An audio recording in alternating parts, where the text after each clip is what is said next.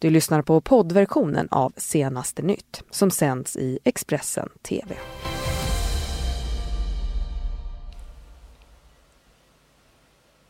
Ja, men god morgon, hjärtligt välkomna hit till Senaste nytt denna måndag den 7 januari. Jag heter Ulva Johansson. Mm, och jag heter Johanna Gräns och vi ska nu ge er morgonens eh, toppnyheter. Ja, kraftig brand i Skurup under natten. Räddningstjänsten är på plats. Och rättegången mot de män som enligt åtalet ska ha planerat ett terrorattentat mot Sverige över ett års tid inleds idag. Mm, och 39 procent av väljarna ja, de vill ha ett extraval, det visar en ny mätning. Mm, det och mycket annat kommer det handla om här i måndagens senaste nytt. Men vi ska börja med att berätta att sent igår kväll så larmades räddningstjänsten om en brand eh, vid en bilskrot i Skurup i Skåne. Mm, och när räddningstjänsten kom dit så möttes de av 10 meter höga lågor. Ingen person ska ha skadats i samband med den här branden eh, som nu ska vara under kontroll. Och det är fortfarande oklart vad som startade branden. Vi ska nu prata om den stora terrorrättegången som inleds idag, Ylva. Och enligt åtalet så ska de män då, de tre män som står åtalade ha planerat ett terrorattentat mot Sverige i över ett års tid. Och av förundersökningen så framgår det att de ska ha skaffat fram stora mängder kemikalier och att de har uttryckt sympatier för Islamiska staten och att de ska ha chattat med IS-krigare. Mm, och dessutom ska de och ytterligare tre män ha skickat pengar till Islamiska staten. Och de greps ju på valmässobergsafton eh, 2018 vid tillslag i Akalla i Stockholm och Strömsund i Jämtland. Och nu så har Expressen kartlagt de här tre männen som alltså går upp i rätten idag för förberedelse till ett terrorbrott. Sex personer har åtalats misstänkta för förberedelse till terrorbrott och brott mot finansieringslagen. Tre av de åtalade ska ha köpt hundratals kilo med kemikalier som kan användas för att göra sprängmedel. De tre männen är den usbekiske medborgaren David Idrisson, 46 år, den usbekiske medborgaren Bakhtior Umarov, 30 år och den kirgistanske medborgaren Atabek Abdullajev, 39 år. De är alla åtalade för förberedelse till terroristbrott och för finansiering av särskilt allvarlig brottslighet genom överföringar av pengar till den Islamiska staten. David Idrisson var den som köpte kemikalierna som åtalet gäller och han är skriven i Stockholmsområdet men bor enligt egen uppgift i Strömsund. Han är frånskild och uppger själv att han har 11 barn. David Idrisson kom till Sverige som kvotflykting och fick uppehållstillstånd 2008. Bakhtior Umarov är också skriven i Stockholmsområdet. Han är en gift tvåbarnsfar och kom till Sverige för första gången 2011 han uppger i en chatt att han tittar på videor med halshuggningar med sin tvåårige son och propaganda för Islamiska staten har hittats i både hans telefon och dator. Atabek Abdullajev är precis som sina medåtalade skriven i Stockholmsområdet men han saknar uppehållstillstånd i Sverige. Enligt egen uppgift kom han till Sverige i augusti 2017 och han uppger att han har en fru i Kirgizistan som har två barn. I sociala medier har han lagt upp bilder på bland annat T-centralen och Mall of Scandinavia. Något som åklagaren tolkar som tänkbara terrormål. De tre männen nekar till anklagelserna om terrorbrott. De misstänkta brotten de har begåtts i Strömsund, Jämtland och olika platser i Stockholmsområdet. Och i åtalet så finns det också tre män till. Dessa ska ha skickat pengar till den Islamiska staten och även de nekar till anklagelserna. Straffet för terroristbrott är fängelse i lägst fyra år upp till livstid. Straffet för förberedelse, det ska sättas under livstid och få sättas under den lägsta gräns, alltså fyra år, som gäller för fullbordat brott. Det här enligt brottsbalken.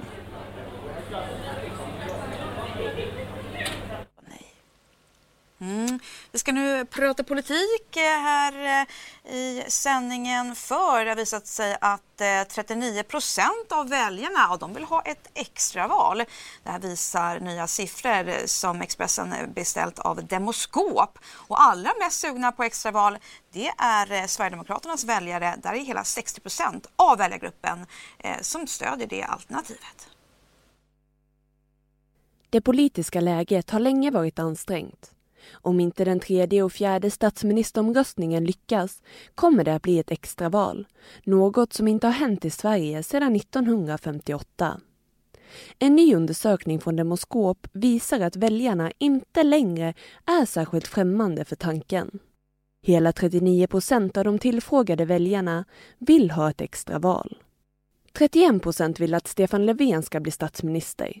Detta genom att acceptera en uppgörelse kring arbetsrätten som villkor för att nå en uppgörelse med Centerpartiet och Liberalerna. 30 procent vill däremot att Ulf Kristersson ska bli statsminister för en regering tillsammans med Kristdemokraterna. Demoskops opinionschef Peter Samtesson tycker att det är anmärkningsvärt att väljarna är så splittrade. Han anser också att det är anmärkningsvärt att alternativet som samlat störst stöd är ett extraval. Men att det förmodligen handlar om en växande trötthet på de förhandlingar som utspelat sig under hösten. Mm, och igår kunde Expressen också publicera en undersökning från Expressen och Demoskop som visar att höstens utdragna regeringsförhandlingar påverkat väljarnas förtroende för politikerna negativt. Och allra sämst betyg i den undersökningen det fick Centerpartiet. Eh, den kan ni naturligtvis läsa mer om på Expressen.se. Men nu till något helt eh, annat. Ja, vi ska berätta om en tragisk trafikolycka där en 60-årig kvinna avled. Det här skriver Kristianstadsbladet. Kvinnan hon färdades som passagerare i en sjukvårdstransport som eh, tvingades bromsa in för en bil som fått motorstopp. Och då i, samband med detta så blev transportbilen påkörd av en annan bil och kvinnan skadades. hon fördes med ambulans till sjukhus men hennes, Eh, hennes eh, hennes liv gick alltså inte att rädda. Kvinnans anhöriga är underrättade eh, och övriga inblandade i den här olyckan ska ha klarat sig med lättare skador.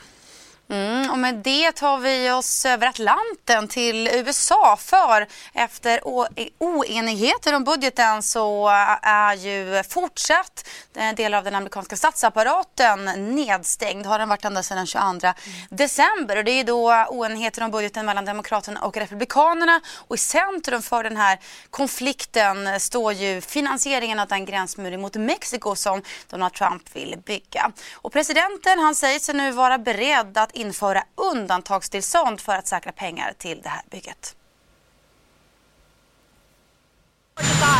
We'll see how long the shutdown goes on. Look, this shutdown could end tomorrow.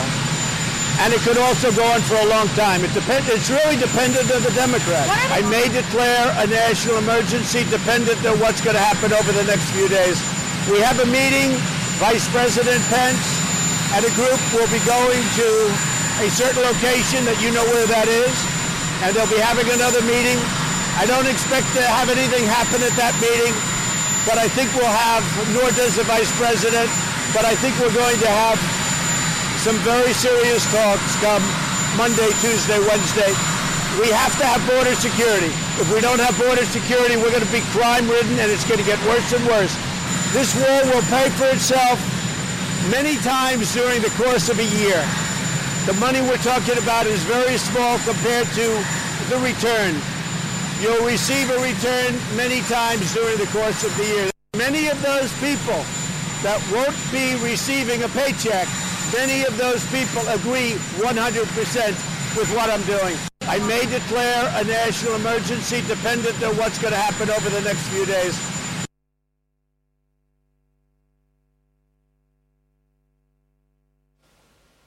Mm, och sen den här nedstängningen så har 800 000 statsanställda i USA varit utan lön och nu är hundratusentals statliga anställda oroliga för när nästa lönecheck eh, dimper ner i lådan. Och en av dem är Laurie McCann som jobbar på den amerikanska skattemyndigheten. Hon berättar för vår samarbetspartner CNN om just då oron för obetalda eh, räkningar och eh, arbetslöshet.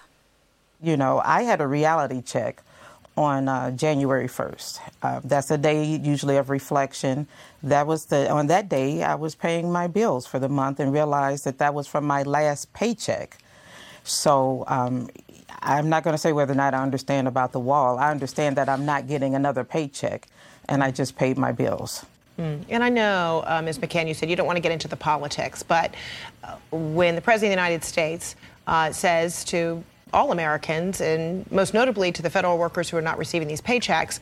He says, I can relate, and I'm sure the people who are on the receiving end will make adjustments. They always do. I mean, it makes you chuckle, but, you know, this is serious business too, right? So, what is your visceral, you know, gut reaction here besides the laughter that I just got from you?